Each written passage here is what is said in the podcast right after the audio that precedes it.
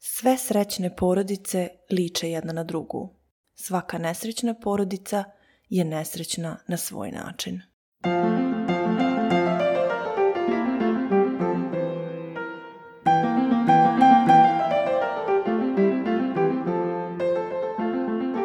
Dobar dan, dragi slušaoci. Ja sam Aleksandra, a vi slušate podcast Digitalnog omladinskog centra Gradske biblioteke u Novom Sadu.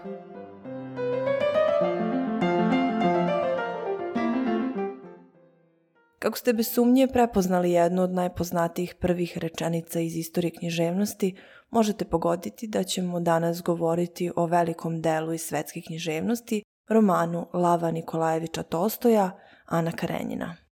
S obzirom na to koliko je pisano o ovom klasiku i iz koliko aspekata se uopšte može govoriti o njemu, ovaj podcast bi trajao satima, zato sam morala malo da se ograničim i izaberem samo jednu od bezbroj tema kojima se bavi ovaj roman. S obzirom da je u pitanju školska lektira, iz mog iskustva srednjoškolcima je ovo ili najneomiljenije ili najomiljenije delo koje moraju pročitati. Sećam se kako je moja profesorka govorila, Anu Karenjinu radimo danas i odgovarat ćete do avgusta. Dakle, ako je ne pročitate, idete na popravni.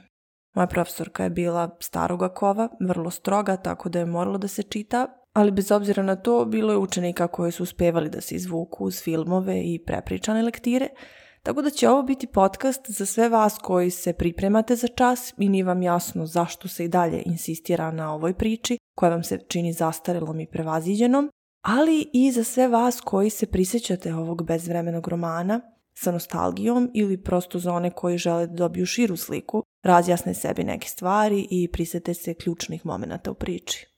Dakle, prvenstveno ću se baviti društvenim aspektom romana. Bavit ću se gradskim životom i moralnim vrednostima toga vremena i pitanjem šta je to Ana zgrešila. Ali ću se dosta pozabaviti Ljevinovim tokom priče, jer mi se čini da se čitaoci, pogotovo oni mlađi, sa tim najviše bore, to im je najmanje jasno i generalno najdosadnije, a u pitanju je veliki i veoma važan deo romana. Ljevin je svojevrsni autorov alter ego, koji prenosi mnoge piščeve i misli i stavove o vremenu u kojem je živeo, priča o agranoj reformi, o industrializaciji i tako dalje i sve to nešto bez čega moderni svet danas ne bi izgledao ovako kako sada izgleda. Ako slušate na YouTube-u, izdvojila sam poglavlja pa možete preskočiti delove koje vas ne zanimaju, mada bih savjetovala da se presluša po redu. Započet ću kao i obično sa istorijskim kontekstom, jer je u kontekstu ovog romana istorijska pozadina veoma važna za razumevanje priče. Da vidimo na početku šta se dešava sredinom 19. veka, u vreme u kom je napisan roman. U Evropi se u tom periodu dešavaju razne promene. Radnička klasa se buni i bori za svoja prava, a dešava se i niz revolucija, kroz koje se vekovima obespravljen narod konačno suprotstavlja teroru bogate manjine i zahteva svoja prava. Međutim, u Rusiji se ne osete te promene. Ljudi dalje žive pod zastarelim pravilima davno prevaziđenog feudalnog sistema. Država i narod propadaju zbog plemstva koje godinama više ne vrši nikakvu korisnu funkciju u društvu, već samo izrabljuje sirotinju i seljake i to će biti posebno vidljivo kroz Ljevinov tok priče. Dakle, u to vreme revolucija započinje prvo na Siciliji, a zatim u Francuskoj februara 1848. godine, kada nezadovoljni Parižani ruše monarhiju, uvode opšte pravo glasa, a za predsjednika biraju Luja Napoleona Bonapartu i ova revolucija izaziva niz drugih pokreta širom Evrope. U Nemačkoj studenti i intelektualci bore se za nemačko nacionalno jedinstvo, slobodu štampe i slobodu nacionalnog okupljanja. U Danskoj nacionalni liberali zahtevaju ustavnu monarhiju, u Beču građanstvo traži političke, socijalne i privredne reforme, a Mađarska traži samostalnost i nezavisnost od Austrije.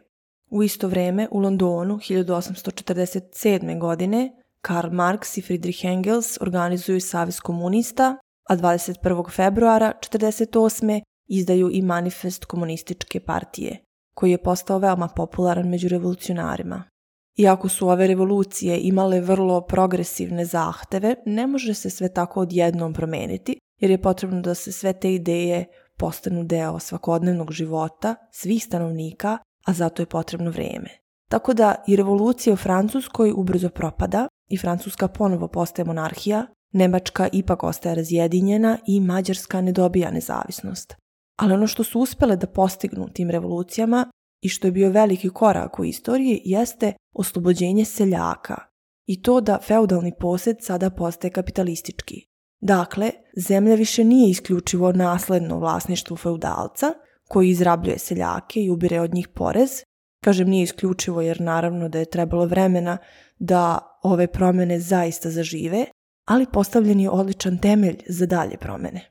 Tako da 60. godina 19. veka dolazi do velikog privrednog napretka i tehničko-tehnološkog razvoja evropskih zemalja. Velika Britanija u industrijskoj proizvodnji i trgovini postaje prva u svetu. Fabrička proizvodnja dominira nad zanatskom i manufakturnom proizvodnjom. Povećava se broj obradivih površina, a s obzirom da je usavršena poljoprivredna tehnika i tehnologija, dolazi do veće, brže i jeftinije proizvodnje, pa samim tim i bolje zarade. Međutim, dok se Evropa bogati i napreduje, Rusija i dalje stagnira pod vlašću cara Nikole I. Tek za vreme Aleksandra II. i nakon poraza u Krimskom ratu 1856. godine, koji su je zadale evropske sile, Rusija se pokreće jer shvata da prestaje da bude konkurentna. Car pokušava da uvede reforme, i tek 1861. godine ukida kmetstvo. Ali bez obzira na sve ovo, reforme nisu dobro prihvaćene i nisu zaživele u narodu, jer car očigledno nije bio dovoljno moćan da bi ga poslušali i na lokalnim nivoima. Ni taj novi zakon nije bio baš sjajan. I dalje je vlasnik zemlje bio Spahija, koji je onda tom sada slobodnom seljaku davao na korišćenje okućnicu i određenu količinu zemlje. Seljak je trebalo da se izdržava od te zemlje i ispunjava svoje obaveze prema državi, a zauzvrat je obavezan i prema spahi. Međutim, spahija više nije vlasnik radnika, već samo zemlje. Dakle, nije mogao da proda seljaka, ali je mogao da mu oduzme zemlju. Ovakvo privremeno obavezani seljaci imaju mogućnost da otkupe dodeljeno zemljište od spahije i tako postanu slobodni seljaci, vlasnici u čemu im pomaže država dajući im jeftine kredite. E sad, mana ovakve reforme bila je u tome što su zemljoposjednici mogli lako da je obrnu u svoju korist. Dodeljivanje zemljišta kao i obaveze u korist spahije koje je morao da ispuni seljak određivano je dobrovoljnom saglasnošću obe strane, a procena toga kako i koliko zemlje će se dodeliti seljaku je zavisila od cena seljakovog rada. Tako da kao što vidite, ovaj zakon je ostavio dosta prostora za manipulaciju. Očigledno je da se car plašio da se previše zameri s pahijama ako donese neki pod navodnicima suviše liberalan zakon, tako da ovim nije puno pomogao seljacima i veoma mali broj ljudi je uopšte odlučilo da se upusti u čitavu tu birokratiju. Prvi osnovni problem je to što su parcele za otkupljivanje cenjene mnogo više nego što vrede, zbog čega između ostalog dolazi do nakupljanja lažnih zaduženja porezom i zbog čega je čitava otkupna operacija usporena. Nadam se da vam je opšta situacija sada malo jasnija i nadam se da vas nisu zamorili silni istorijski podaci. To je prosto pregled situacije da bismo uopšte mogli da shvatimo samu radnju kao i motivaciju likova. Svastite to kao world building u naučnoj fantastici, osim što je u pitanju stvarna prošlost koju su naši preci proživali, a ako vas više zanima ova tema, položaja ruskog seljaka u 19. veku, nemojte propustiti novi članak na blogu o Turgenjevu koji je napisao moj kolega Milan Maksimović. Turgenjev se dosta bavio socijalnim pitanjima, tako da će vam tekst sigurno biti interesantan. Ali hajde da se vratimo na temu. Dakle, Lav Nikolajević Tolstoj je pripadnik posjedničkog plemstva. Duboko je svestan problema u kome je država zapala i kao realista osjeća dužnost što vernije da prikaže te probleme. Međutim, za razliku od većine realista koji izbjegavaju iznošenje ličnih stavova, težeći objektivnosti, Tolstoj otvoreno kritikuje postojeće društvene odnose i forme. Tako da se on kroz delo protivi vladajuće savremenosti i često morališe dok stvara, što se recimo mnogima ne dopada. Ono što barem meni više bode oči jeste to što je on ipak branilac patriarhalno-spahijskog uređenja sa feudalnom osnovom. Dakle, on želi evropske inovacije i svakako želi određene reforme, ali u suštini ne želi revoluciju jer nema toliko problem sa klasnim društvenim uređenjem na papiru, već mu se ne dopada što ono nije dobro sprovedeno u praksi. Dakle, njemu ne smeta toliko što su plemići vlasnici zemlje, smeta mu to što ne upravljaju tom zemljom kako treba. I tu imamo taj moralizatorski moment.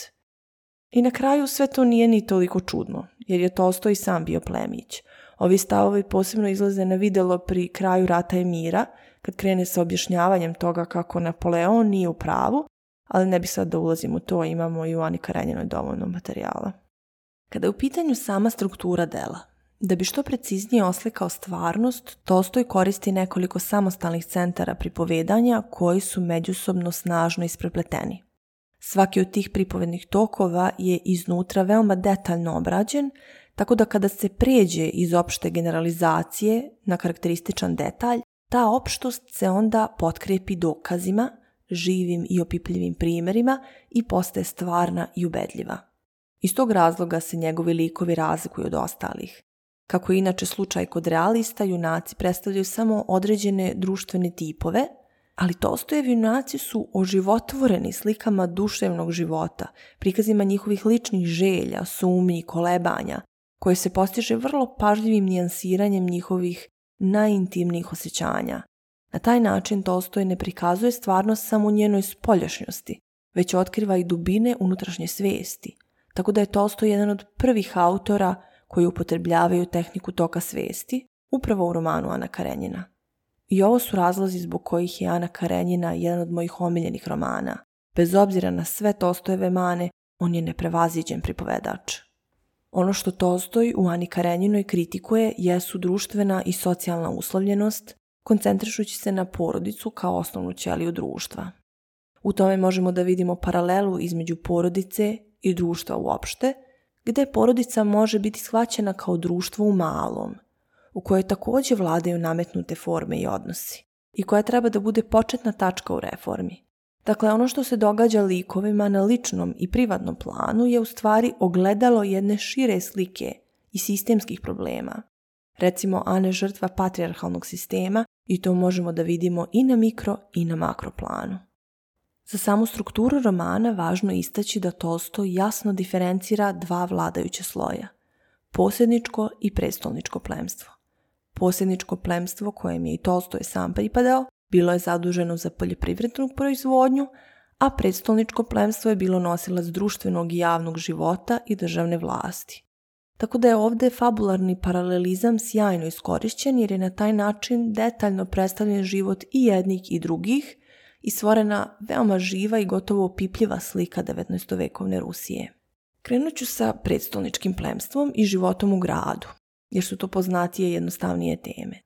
Dakle, ključ za ulazak u visoko društvo, napredovanje i uspeh u gradu jesu poznanstva i prijateljstva sa pravim ljudima na visokim položajima na koje se možeš osloniti.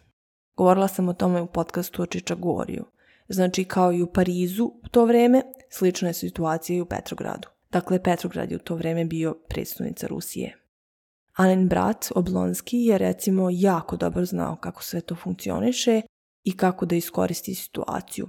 Zbog toga je s vremena na vreme odlazio u Petrograd da obnovi stara i sklopi nova poznanstva u visokim krugovima. Tolstoj ne propušta da detaljno oslika i život u gradu i istakne stavove svojih junaka o njemu. Dok su mnogi iz sela bežali u gradu potrazi za uživanjima i životom na visokoj nozi, Ljevin nije voleo život u gradu. Prvih dana života u Moskvi, gde se preselio sa Kiti, jer joj se bližio porođaj, Ljevin je bio veoma nervozan, žalio se na skup život u gradu i bespotrebne troškove, Pored toga nije bio naviknut na odlaske u klubove i lutanje po gradu, pa mu je to bilo sve veoma dosadno, ali nakon nekog vremena uspeo je da se navikne na ovakav tempo života i šta više prestao je da se ljuti na bespotrebne rashode, sada ih je smatrao ne, kao nešto sasvim uobičajeno. Za razliku od Ljevina, Oblonski je sa druge strane uživao u životu u gradu. Za njega ni Moskva nije bila dovoljno velika, već je smatrao da je dosadna, učmala nepomična močvara, zbog čega je uvek rado odlazi u Petrograd da se skloni od porodice i svakodnevnih problema. Kao kaže u romanu, živeći u Moskvi, osobito u blizini porodice, on je osjećao da pada duhom. Živeći i dugo ne izlazeći iz Moskve, on je počeo osjećati da ga uznemiruju rđavo raspoloženje i ukori ženini, pitanje o zdravlju i vaspitanju dece, sitni interesi službe, Uznemiravali su ga šta više i dugovi, ali trebalo je samo doći u Petrograd, poživiti u onome krugu u kojem se on kretao, gde se živelo, doista živelo, a ne smrzavalo kao u Moskvi. I odmah bi sve one misli iščezle, topile se kao vosak kraj ognja. Međutim, visoko društvo je u romanu najbolje okarakterisano iz Aninog ugla. To visoko društvo je jedan vrlo zatvoren krug ljudi koji se međusobno poznaju, pa čak se i posećuju, međutim, unutar njega postoje tri manja kruga. Prvi je službeni krug, krug Aninog muža koji se sastoji od njegovih prijatelja i saradnika, koji Anu nije ni najmanje zanimao, iako ga je dobro poznavala. Drugi krug je krug pobožnih i pod navodnicima visokomoralnih ljudi, često nazvan i savešću Petrogradskog društva, a središte toga kruga je recimo Lidija Ivanovna, Ona je glavni zagovornik novih objašnjenja hrišćanskog učenja koje se u to vrijeme širilo u Petrogradu. Ona je recimo verovala da smrt ne postoji za nju, koja posjeduje punu veru, iako je sama određivala šta to znači ta puna vera, zbog čega već na zemlji uživa potpuno spasenje. Zato se ona u svojoj glavi razlikovala od svih drugih, da ne kažem da je bila uverena kako je bolja od svih. Glavne teme koje su zaukupljale članove ovog kruga visokomoralnih, kojem je pripadao i Karenjin, Bile su politika i religija, ali kada bi ponestalo religijskih i političkih tema, okretali su se ogovaranju onih koji su prekršili moralni kodeks koji je ovo društvo nametalo. Treći krug, koga su prezirala prva dva kruga, bio je krug balova, raskoši i uživanja. Svi pripadnici ovog kruga krše moralni kodeks, ali to kriju. Njihovi ljubavnici i ljubavnice javna su tajna A glavni predstavnik ovog kruga je Beci Tverska, koja i uvodi Anu u društvo prepuno licemirja i lažnog morala i potiče na greh. U gradovima slobodno vreme se provodilo najčešće u pozorištima, na operama i baletima, ali su priređivane i otmene večere ili balovi u vlastitim domovima. Gospoda su najviše vremena provodila u klubu, tu se zabavljalo jelo, pilo, igrao se bilijar, šah i karte, a postojala je i posebna prostorija uređena kao čitaonica u kojoj se moglo u miru i tišini čitati. Gospoda su se takođe delila na stare i nove plemiće, a najlakše ih je bilo razlikovati po delu. Kako kaže u romanu, po spolješnjem izgledu plemići su se oštro delili na dve vrste, stare i nove. Stari su bili većim delom ili u plemićkim starim zakopčanim mundirima ili u naročitim svojim marinskim, konjičkim, pešadijskim i služenim mundirima. Mundiri starih plemića bili su starinski sašiveni, sa nabranim ispustima na ramenima, bili su očevidno mali, kratki u strukovima, uski, kao da su oni koji ih nose izrasli iz njih. Mladi plemići pak javili su se u raskopčanim plemićkim mundirima, širokim u ramenima, s niskim strukovima, s belim prsnicima ili u mundirima sa crnim jakama i izvezenim lovorikama, kao na mundirima Ministarstva pravde. Mladima su pripadali i dvorski mundiri, koji su pogdegde ukrašavali gomilu. Mlade devojke, sa druge strane, su se najviše radovele balovima, jer je to bilo gotovo jedino društveno prihvatljivo okruženje u kome su mladi mogli da se upoznaju i zabavljaju, a poziv na ples je gotovo uvek značio mladićevo divljenje prema dami. Devojke su provodile sate pripremajući se za balu, u želji da izgledaju savršeno. Najlepši primjer je za to opis Kitty koja je došla na balu u nadi da će joj tom prilikom Vronski izjaviti ljubav. Kitty je imala toga dana jedan od svojih srećnih dana. Haljina je nigde nije stezala, nigdje nije spao nabor od čipaka, kokarde joj ne behu izgužvane ni pokidane, ružičaste cipelice sa visokim izvijenim potpeticama nisu je stezale, Noge su se osjećale ugodno u njima. Frizura guste plave kose stajala je kao izrasla na malenoj glavici. Sva tri dugmeta na dugačkim rukavicama bila su zakopčana. Nijedno se ne beše otkinulo, rukavice su se pripijale uz ruku ne izmenjujući joj oblika. Crna somotska traka sa medaljonom naročito je nežno pritegla uz vrat. Ovo je jako interesantna epizoda zato što posmatramo bal iz ugla jedne mlade, neiskusne i zaljubljene devojke koja je zaslepljena spoljašnjim sjajem i raskoši visokog društva. Time što je baš Kitty ovde fokalizator radnje, narator dobija prostora da dodatno oneobiči scenu. Svi drugi likovi su iskusni i naviknuti na sve što se dešava, ali za Kitty je sve to novina, ona je uzbuđena, oduševljena, tako da su samim tim opisi i atmosfere i ljudi i njenih utisaka mnogo zanimljiviji baš zbog tog neiskustva i nevinosti. Kitty ne prepoznaje iskrene emocije, zbog čega odbija Ljevinovu ponudu. Banalne konvencije, isprazni flert i uobičajene kitnjaste fraze kojima se njena okolina obilato koristi, ona još uvek ne prepoznaje kao lažne i nešto što je postalo deo kurtoazije i prosto ustaljeni način obhođenja u tim krugovima, koji je davno izgubio svoje osnovno značenje i ostao samo ceremonija, U svojoj naivnosti Kitty se svemu tome divi, a Tolstoj vešto iskorištava njen još neiskvaren i optimističan pogled na svet, da se divi ljudima i stvarima zbog njihove estetski privlačne pojavnosti i upušta se u veoma detaljne i slikovite opise. Ali to nije jedini razlog zašto je ova epizoda napisana baš iz Kitinog ugla.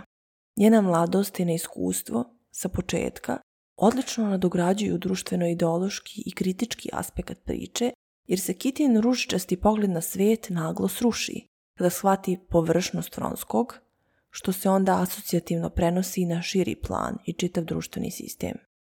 Prikaz neiskrenosti i okrutnosti visokog društva kroz rušenje snova jedne mlade i neiskusne devojke stvara osjećaj beznadežnosti i razočaranja, što dodatno naglašava surovost situacije. Prava slika stvarnosti će se otkriti u potpunosti tek kroz odnos društva prema Ani koja je zgrešila, to jest prekršila nepisane kodekse ponašanja. Ono što vidimo jeste da je sistem vrednosti potpuno urušen. Zaboravljena je suština, a ostale su samo spojne konvencije. Te konvencije služe kao šuplji oklop unutar koga se članovi visokog društva kriju i koji ne žele da odbace jer im pruža sigurnost i zaštitu, pomaže da se održi status quo i na taj način sačuva njihova moć i pravo na vlast. Ana je bila suviše iskrena da bi podnosila težinu tog oklopa, time što je odlučila da napusti muža i ode sa ljubavnikom, ona je zbacila oklop, ali isto tako ostala ranjiva i nezaštićena. Nakon toga su je izopštili svojih krugova i proglasili je nemoralnom, isti oni koji su je na samom početku navodili na preljubu, a čiji su ljubavnici i ljubavnice bili javna tajna. Pazite, nju nisu izopštili i odbacili kada se saznalo za aferu. Naprotiv, mnogi su je podržavali, doduše više su podržavali Vronskog jer ipak on frajer koji je uspeo da zavede udatu ženu, ali o tome uskoro.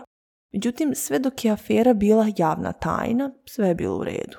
Trik je bio u tome da se održi maska poštenja i vrline, da se ni pošto javno ne priznaju gresi, tako da u očima društva ti gresi ni ne postoje. Kada je Ana napustila muža, dovela je u pitanje legitimitet čitavog koncepta po kojem je plemstvo superiorno, kako finansijski i intelektualno, tako i moralno, zbog čega mu je božanski dato da vlada. I mislim da je u tome ključ. Plemstvo mora da u očima svih bude idealno, a sve ostalo što se dešava će biti zataškano kako bi se održao taj privid. Ana je u svemu tome crna ovca koja je onda izopštena iz stada. To je ono što nam pisac ovde prenosi. Dakle, plemstvo propada jer više nije moralno superiorno, već samo glumi neki puritanizam koji je prevaziđen, bespotreban i neodrživ. Sa druge strane, više nije ni finansijski superiorno, jer jeftino rasprodaje imanja da bi otplatilo dugove i održalo privid stare raskoši. A sve ovo je dokaz da plemstvo više nije ni intelektualno nadmoćnije, Nakon ovoga se nameće pitanje ko onda u ovakvom društvu ima prava da sudi Ani. Moto samog romana, koji je preuzet iz poslanice Rimljanima svetog apostola Pavla, odgovara upravo na to pitanje. Moja je osveta, ja ću vratiti, govori gospod. Ono što kasnije pri kraju romana narator ističe u Ljevinovim premišljanjima o postojanju Boga i moralnosti, zaokružuje čitavu ovu priču gde Ljevin kroz filozofsko traganje dolazio do odgovora da je upravo savest, dakle moralni sud nad samim sobom i lična patnja koja zbog toga proizilazi zapravo konačna osveta i kazna za počinjeni greh, što je onda zaljevina dokaz postojanja više sile. Licemerstvo društva takođe je izraženo i njegovim omaložavajućim odnosima prema ženi, a posebno dvostrukim standardima za muškarce i ženu. Najbolji primer za to su svakako Stepan Arkadijević Oblonski i Aleksej Vronski sa jedne strane i Ana Karenjina sa druge. Iako Oblonski bezobzirno i bez kajanja vara ženu, društvo ga nimalo ne osuđuje. Šta više, ono ga štiti u trenutku kada je Doli povređena i ne može da mu oprosti, što je otvoreno rečeno. Iako je Stepan Arkadijević bio kriv pred ženom, i to osjećao i sam, skoro svi u kući, čak i dadilja, najveći prijatelj Darije Aleksandrovne, bili su na njegovoj strani. Takođe je zanimljivo i to što sam roman počinje sa pričom kako je u domu Oblonskih nastao haos jer je Doli otkrila da je muž vara, a Ana i dolazi u Mosku kako bi pomirila brata sa povređenom suprugom, što je još jedan sloj ironije. Isto tako kroz ovu situaciju se naslućuje i Anina sudbina, A ono što je posebno okrutno jeste to što su Ana i Oblonski rođeni brat i sestra, oboje varaju svoje supružnike, a ishod je diametralno suprotan jer jedno lažima pokušava da izgledi situaciju, a drugo otvoreno priznaje svoju grešku. Međutim, bitna razlika je u tome što Oblonski, iako je imao veliki broj ljubavnica, ni u jednom trenutku nije pomišljao da napusti porodicu. On je čuvao krhku fasadu poštovanog i oženjenog čoveka, dok su njegove avanture bile javna tajna. Sa druge strane, kako smo napomenuli, Ana se prepustila emocijama, ona je napustila porodicu jer nije mogla da živi sa lažima, zbog čega je osuđena. Zanimljivo je takođe kako društvo Vronskom, koji je uništio jedan brak i u nezakonitoj vezi sa udatom ženom, istom ženom koju su tako oštro osudili, niko ništa ne zamera. On je prihvaćen, kao i ranije, Mnogi mu se čak i dive, jer je uspeo da navede jednu ženu na brakolomstvo i njegov ugled nije poljuljan. On učestvuje u političkom životu, dobrodošao je u svim pozorištima, klubovima i salonima, dok su za Anu sva vrata zatvorena. Sa druge strane, Aleksej Karenjin je meta okrutnog ogovaranja jer je njegova bol postala javna. Osjećao je da ne može otkloniti od sebe mržnju ljudi, zato što ta mržnja nije dolazila otuda što bi on bio rđav, tada bi se mogao postarati da bude bolji, nego otuda što je sramno i odvratno nesrećan. Znao je da će ljudi, baš zato što je srce njegovo iskidano, biti prema njemu nemilosrdni. Osećao je da će ga ljudi uništiti, kao što psi dave izmučenog psa koji skiči od bolova. Znao je da je jedini spas od ljudi sakriti od njih svoje rane. Navešću još dva interesantna primjera koja predstavljaju društveni komentar, gde je suprostavljeno staro i novo, tradicija i modernost, koji su mi posebno zapali za oko. S jedne strane imamo talas promjena koje pristižu iz Evrope, a sa druge konzervativnu rusku javnost koja ne zna kako da reaguje jer se plaši tih promjena koje bi poremetile utvrđene forme i obrazce ponašanja na kojima takvo društvo počiva. Prvi primjer je lik kneginje Šerbatske koja pokušava da uda kćerku, ali je potpuno zbunjena i zapanjena novim pravilima i za nju nedopustivim slobodama koje su sada mladima dozvoljene. Pa kaže, videla je da se u poslednje vreme mnogo šta promenilo u društvu i da su materinske dužnosti postale još teže. Videla je da su vršnjakinje njene kiti stvarale nekakva društva, išle na neke kurseve, slobodno se ponašale prema muškarcima, šetale same po ulicama. Mnoge nisu htele da prave duboke poklone i što je još glavno, sve su bile čvrsto uverene da je izbor muža njihova stvar, a ne stvar njihovih roditelja. Ali kako se to treba udavati i kako udavati kćeri, to niko nije znao. Svi s kojima je Kneginja imala prilike da razgovara o tome govorili su uvek isto. Ta molim vas, u današnje vreme treba već jednom napustiti taj starovremenski običaj. Ne udaju se i nežene roditelji nego deca. Zato treba ostaviti mladež neka radi kako zna. Lako je tako govoriti onima koji nemaju kćeri. Međutim, kneginja je znala da joj se kćer pri tim upoznavanjima može zaljubiti i to zaljubiti u onoga koji nije za nju ili u onoga koji se ne misli njome oženiti. Drugi primjer se tiče problema obrazovanja i slobode žena koji je postao veoma aktuelan u 19. veku. Pecov na ručku kod Stepana Arkadijevića kaže Žene su lišene prava zbog nedostatka obrazovanja, a nedostatak obrazovanja dolazi zbog odsustva prava. Ne treba zaboraviti da je porobljavanje žena tako veliko i staro da mi i ne poimamo pučinu koja ih deli od nas. I ovde pisac ponovo suprostavlja staro i novo dajući reč starom knezu, protivniku novih ideja i zagovorniku tradicije i konzervativne Rusije, koji kaže To je isto kad bih ja tražio pravo da budem dojkinja i ljutio se što ženama plaćaju, a meni ne. I to je ono što obožavam kod dobrih realista, što se u većini slučajeva trude da ponude čitaocu i jednu i drugu stranu priče i izlože argumente i jedne i druge strane, što je vrlo interesantno za čitanje. E sad, jako je teško biti nepristrasan ili potpuno objektivan, Tako da je u najvećem broju slučajeva ipak jasno kojim argumentima je narator više naklonjen, kao na primjer u slučaju Konstantina Ljevina, gde je vrlo jasno da je narator naklonjen Ljevinu i podržava njegove ideje. Hajde sada da se pozabavimo posjedničkim plemstvom i da vidimo šta to Ljevin pokušava da postigne na selu, koja su njegova ubeđenja i zašto je njegov deo priče veoma važan. Dakle, glavni predstavnik posjedničkog plemstva je Konstantin Dimitrić Ljevin, kako sam rekla Piščev alter ego, kroz koji iskazuje svoje lične stavove o životu u Rusiji, položaju seljaka i propadanju aristokratije. Ljevinom kao i Tostojev ideal je patrijarhalno posjednički poredak, porodični život na selu i izbližavanje sa seljacima. Kao što sam napomenula, mnogi mislioci zbog ovoga kritikuju Tostoja, između ostalog smatruju da je u svojim etičkim stavovima i kroz omalovažavanje zapadnjačkog intelektualizma i vere u nauku, smatruju ga antiliberalnim, smatraju ga nazadnim i time doprinelo i poverenje koje ima u seljake i prirodu.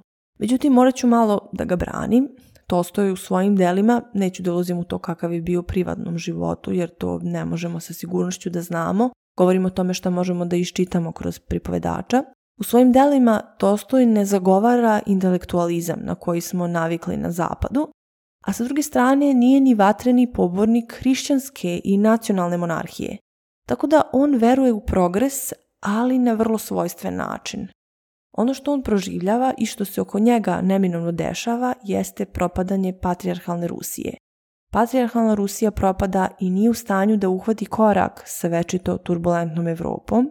Seljaci napuštaju zemlju i odlaze u gradove, a posjedničko plemstvo – pokušavajući da održi do tadašnji položaj, ugled i lagodan život bez rada, polako propada i prodaje imanje u bescenje. Propadanje starog plemstva u romanu je najjasnije predstavljeno kroz lik Stepana Arkadijevića Oblonskog. Bez imalo razmišljanja, Oblonski prodaje deo ženinog miraza po znatno nižoj ceni da bi otplatio svoje dugove i vodio skup i raskušan život u gradu. Kada je saznao za ovaj nepromišljen postupak svoga prijatelja, Ljevin mu govori Krivo mi je i vređa me kada gledam na sve strane osiromašeno plemstvo kojem ja pripadam i bez obzira na izjednačavanje staleža veoma volim što mu pripadam. A osiroćavanje nije usled raskoši. Raskoš ništa ne mari. Proživeti gospodski, to je plemički posao, to samo plemići i umeju. Sada seljaci oko nas kupuju zemlju i meni to nije krivo. Gospodin ništa ne radi, seljak radi i potiskuje dokunog čoveka. Tako i treba. I ja se od srca radojem za seljaka, ali me vređa kad vidim da se osiroćavanje plemstva dešava usled nekakve, ne znam kako da kažem, nevinosti. Ovde zakupac Poljak kupio upola cene od gospođe koja živi u Nici divno imanje. Onde daju trgovcu pod zakup hektar zemlje koja vredi 10 rubalja za rublju. Ti sad bez ikakva uzroka poklonio si ovom lupežu 30.000. Kao što vidimo iz ovog citata, Ljevina pogađa naivnost i nemarnost njegovih prijatelja. I s obzirom da je on u položaju moći, odlučuje da pokuša da zaustavi propadanje sela, pa tako počinje da se bori za modernizaciju i unapređenje poljoprivrede i zalaže se za saradnju između vlastelina i seljaka. I pored velikog truda doživljava neuspeh. Ono što Ljevin ne želi da prihvati i što leži na putu njegovog zbližavanja sa seljacima jeste socijalna nejednakost, koja je duboko urezana u dušu seljaka. Ljevinov brat Sergej Ivanović mu na to skreće pažnju. Uopšte meni se čini da su u narodnim pojmovima strogo određeni pojmovi u pogledu poznate, kako oni kažu, gospodske delatnosti. Oni ne dopuštaju da gospoda izlaze iz okvira koji je po njihovim pojmovima određen za njih. Kao što vidimo, klasne razlike su toliko duboko ukorenjene da je veoma teško za pojedinca da bilo šta učini. Ovo je recimo interesantno i satirično prikazao Turgenjev u romanu Očevi i deca, kad Bazarov razgovara sa seljacima. Nakon jednog besmislenog razgovora između Bazarova i nekog seljaka, on ode, a seljaku priđe drugi seljak, pa pita o čemu su razgovarali, o neisplaćenom obroku ili šta? Kakvom neisplaćenom obroku, bratac moj? odgovori prvi seljak, a u glasu mu nije više bilo ni traga od one patrijarhalne melodičnosti, već se naprotiv osjećala neka nemarna surovost. Tako brblja ko ješta, hteo je da počeše jezik. Gospodin kao gospodin. Zar on što razume? Kuda razume? Odgovori drugi seljak, pa tresnuši kapama i smaknuši pojaseve, počeše obojice razgovarati o svojim poslovima i potrebama. Avaj, Bazarov koji je prezrivo slegao ramenima i umeo govoriti sa seljacima, kao što se hvalio prepirući se sa Pavlom Petrovićem, taj uobraženi Bazarov nije ni sanjao da je u njihovim očima ipak bio nešto nalik na budalinu. Nešto slično se dešava i Ljevinu. Pokušavajući da unapredi imanje, Ljevin čak odlazi u inostranstvo u želji da otkrije tajnu veće, brže i jeftinije proizvodnje, ali uzalud njegovi seljaci ne žele da prihvate nikakve izmene niti novine. Koliko god im objašnjavao da je novi način rada bolji, kvalitetniji, produktivniji i da će savremene mašine samo ubrzati rad, njegovi radnici nisu hteli da se odreknu starih navika. Kako kaže narator, on je sad jasno video da gazdinstvo nije drugo do jedna surova i uporna borba između njega i radnika, gdje na jednoj strani, na njegovoj strani stoji stalna napregnuta trežnja da se sve preradi po najboljem obrazcu, a na drugoj pak strani stoji prirodan red stvari. Često je osjećao da seljaci, koliko god da se on trudio, ne mogu da poveruju da jedan plemić želi da im pomogne i da postane deo njih. Ne želeći da prihvate nikakve novine, radnici su često namerno kvarili nove mašine, u strahu da će im one oduzeti posao, a Ljevinova naređenja, kako brže i bolje da obave posao, smatrali su glupostima, pa su ih čutke ignorisali i radili po starome.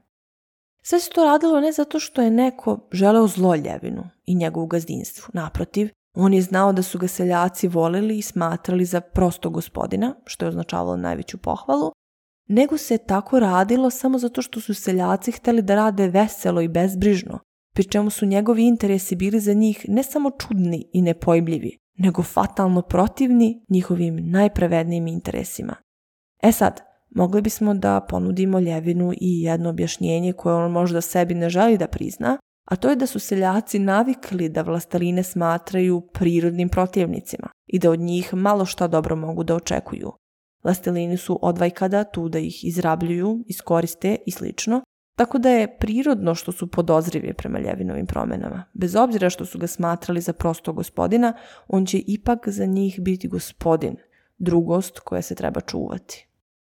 Sa druge strane, Ljevin koliko god voleo seljake, želeo da postane deo takvog života, žudeći za njegovom jednostavnošću, on je ipak bio ponosan na svoje plemićko poreklo kojeg nije želeo da se odrekne i bez sumnje jeste posmatrao seljake iz povlašćene pozicije – Ljevin se takođe pita i zašto ruski seljaci ne mogu da prihvate nešto što je u Evropi praksa već godinama, zašto se tako tvrdoglavo opiru u napretku, a odgovor je dobio u razgovoru sa svojim prijateljem Svijarskim koji mu govori.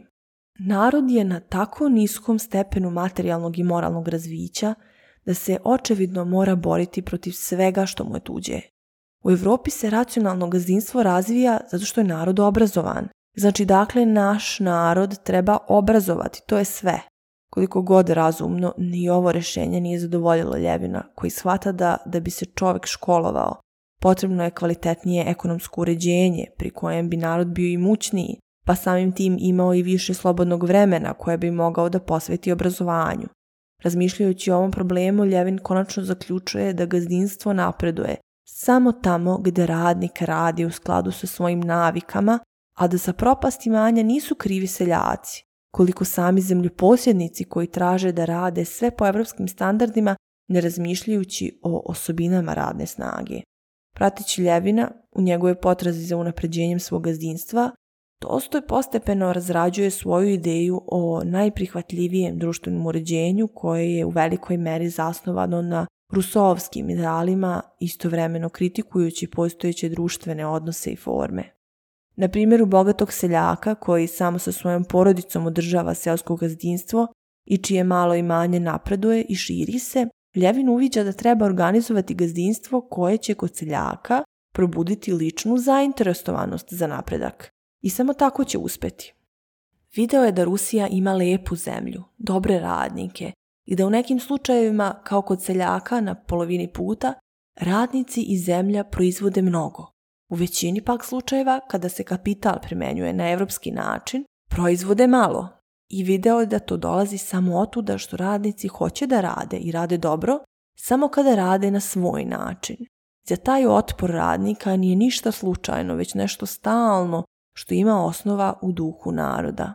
Smatrao je da će se ruski narod, čiji je poziv da naseljava i obrađuje ogromne zauzete prostore, sve dotle dok sve te zemlje ne budu posednute, da će se svesno držati za to potrebnih načina i da ti načini nisu tako rđavi kao što se obično misli. I to je hteo da dokaže teorijski u svojoj knjizi, a praktično na svom gazdinstvu. Nakon uspješnih sprovođenja novih ideja u delo, Ljevin koji je tokom romana prošao kroz različite krize se razvija, postaje samouvjereniji, a njegove ambicije ubrzo prevazilaze ličnu korist i on počinje da razmišlja o ideji opšteg dobra. Ljevin počinje da mašta o beskrvnoj revoluciji koja će proširiti njegove ideje u čitavoj zemlji i na kraju i u celom svetu. Treba samo uporno da idem cilju i uspeću, mislio je Ljevin. A ima se rašta truditi i raditi. To nije moja lična stvar, nego je tu pitanje opšteg dobra. Celo gazdinstvo, a što je glavno, položaj celog naroda moraju se potpuno izmijeniti. Umesto sirotinje, opšte bogatstvo, zadovoljstvo. Umesto neprijateljstva, sloga i zajednica interesa. Jednom reči, beskrvna revolucija, ali najveća revolucija. S početka u malom krugu našeg sreza, zatim u guberniji, Rusiji, celom svijetu. Jer pravična misao ne može ne biti plodonosna. Jest, to je cilj za koga vredi raditi. Selo koje je za Tolstoja, pa tako i za Ljevina, bilo u središtu ideje o reformi društva, kroz roman vidimo kako njegova vrednost u očima tadašnje Rusije opada. Zanimljivo je primijetiti kako Tolstoj u velikoj meri karakteriše svoje likove kroz njihov odnos prema selu. Za Konstantina Ljevina selo je bilo mesto života, to jest radosti, patnje i rada. Za Sergeja Ivanovića selo je bilo s jedne strane odmor od posla, a s druge koristan, protiv otrov, protiv pokvarenosti, koji je on sa zadovoljstvom upotrebljavao i bio svestan njegove koristi. Za Konstantina Ljevina selo je bilo dobro zbog toga što je predstavljalo polje nesumnjivo korisnog rada, za Sergija Ivanovića selo je bilo osobito dobro zbog toga što tamo može ništa da se ne radi i što ne treba ništa da se radi. Sa druge strane, za Oblonskog je selo bilo mesto odmora i lova – Imanje na selu koje je dobio u Miraz postepeno je prodavao da otplati dugove, a svoju ženu poslao je na selo samo da bi smanjio izdatke koji su u gradu bile neizbežni. Za Anu selo je bilo utočište od optužujućih pogleda i ogovaranja koji su je u gradu svakodnevno pritiskali i pratili, dok je Vronski odlazio na selo samo da bi olakšao Anin položaj – Njemu je život na selu bio neizmjerno dosadan i da bi to prikrio počeo je da se bavi raznim poslovima kako bi se zabavio i zaboravio na probleme. Jedan od načina da pobegne od problema Ane i sela i da se društveno afirmiše za Vronskog je bilo i to da učestvuje na gubernijskim izborima.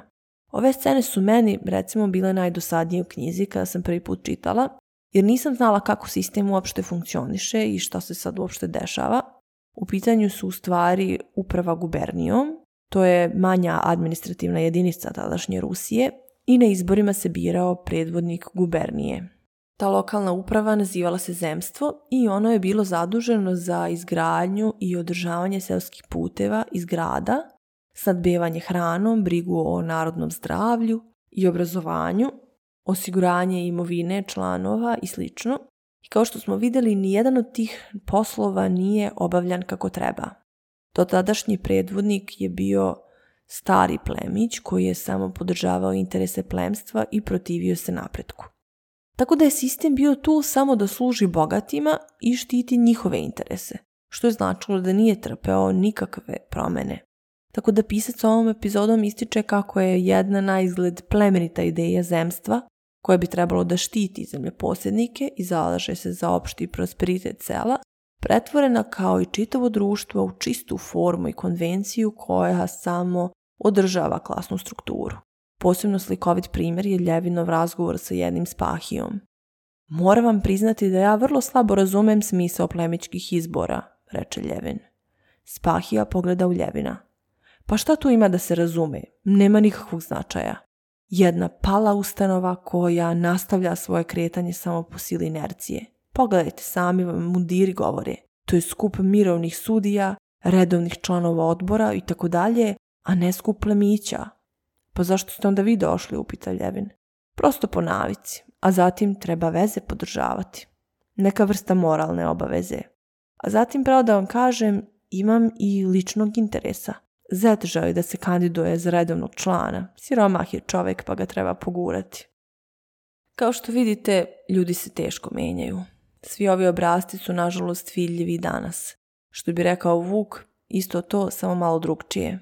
Zato je između ostalog važno čitati i poznavati istoriju da bismo učili na greškama svojih predaka i kako ne bismo te iste greške ponavljali. Ono što možemo na kraju da zaključimo jeste da je urušen stari sistem vrednosti, da je izgubio svoj probitni smisao i postao samo prazna konvencija. Doduše, možemo postaviti pitanje da li su te vrednosti ikada i bile zaista poštovane. Realno, kada razmislimo o tome, tako kruta pravila ponašanja nikada u praksi nisu bila poštovana. Ljudski sindrom je uvek taj da žalimo za starim dobrim vremenima. Međutim, da li je bilo bolje? Ako iskreno razmislimo o tome, mislim da se moramo složiti da to ipak nije slučaj. Problem vladajuće klase u 19. vekovnoj Rusiji bio je u tome što je pored moralnog izgubila i financijski oslonac i nije bila spremna da se modernizuje, da se oslobodi starih navika i prihvati nove kako bi održala korak sa svetom i sačuvala svoje bogatstvo.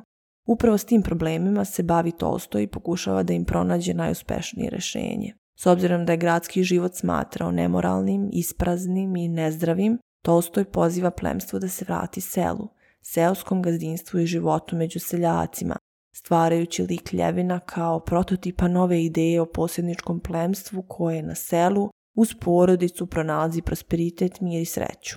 Ove Tolstojeve ideje su u jednom trenutku bile tako popularne da je nastao i pokret Tolstoizam na osnovu njegovih i religijskih i društveno-socijalnih ideja. Sam pisac nije bio baš najsrećniji zbog ovoga, jer nije sebe doživljavao kao nekog vođu ili proroka, ali mu je bilo drago što su se njegove ideje širile.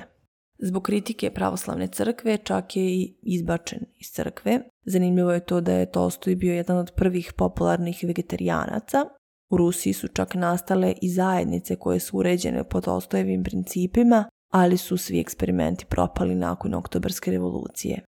I uopšte njegove ideje pacifizma su uticale na mnoge poznate mislioce, preko Wittgensteina do Mahatme Gandija i Martina Luthera Kinga. Toliko za danas. Nadam se da vam je tema bila zanimljiva, da sam pojasnila neke stvari i zainteresovala vas za lik i delo ovog velikog pisca. O Ani Karenjini bi se još što šta moglo reći, Mogli bismo recimo govoriti o ukletoj lepoti u knježevnosti, o tome je donekle bilo reči u epizodi o Andrićevoj Aniki i Sofki Bore Stankovića. Iz feminističkog ugla bi se tek moglo svašta još zaključiti, o čemu nije bilo reči. Onda naravno iz ugla psihoanalize bi se moglo govoriti o Aninoj anksioznosti i ljubomori i otumačiti njene snove, koji su takođe zanimljivi. Možemo da govorimo o simbolici voza i pruge u romanu, Mnogobrojne su scene koje naslučuju buduće događaje ili predstavljaju nekakvo znamenje što čitavoj priči daje nekakvu sudbinsku notu, kada čitalac na kraju osjeća da koliko god kraj bio tragičan, priča nikako nije mogla drugačije da se završi. I svaki put se oduševim kada naiđem na priču koja na mene ostavi takav utisak. Jer zadovoljavajući kraj nije samo srećan kraj, već onaj koji prirodno proizilazi iz psihologije likova i prirode same priče. Ono što me svaki put iznervira jesu pretenciozni romani koji umisle da su duboki samo zato što na kraju priče glavni junak ili junakinja nastradaju, što je potpuna besmislica.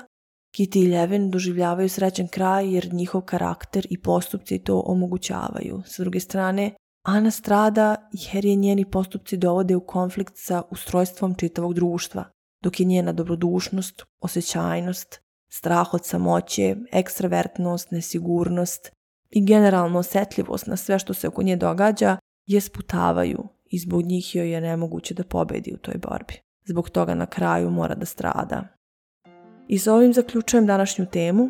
Vrlo je verovatno da ću se nekom prilikom vratiti na ovaj roman kako bi govorila onome što je još ostalo nedorečeno, Za sada se nadam da vam je analiza bila interesantna i inspirativna. Slušamo se ponovo za mjesec dana sa novom temom iz književnosti. A do tada uživajte u čitanju i sratite na Book Club. U junu ćemo govoriti o Dostojevskom i čitamo roman Dvojnik. A više informacija možete pronaći na Instagram profilu bc donja crta između redova. Prijatan dan!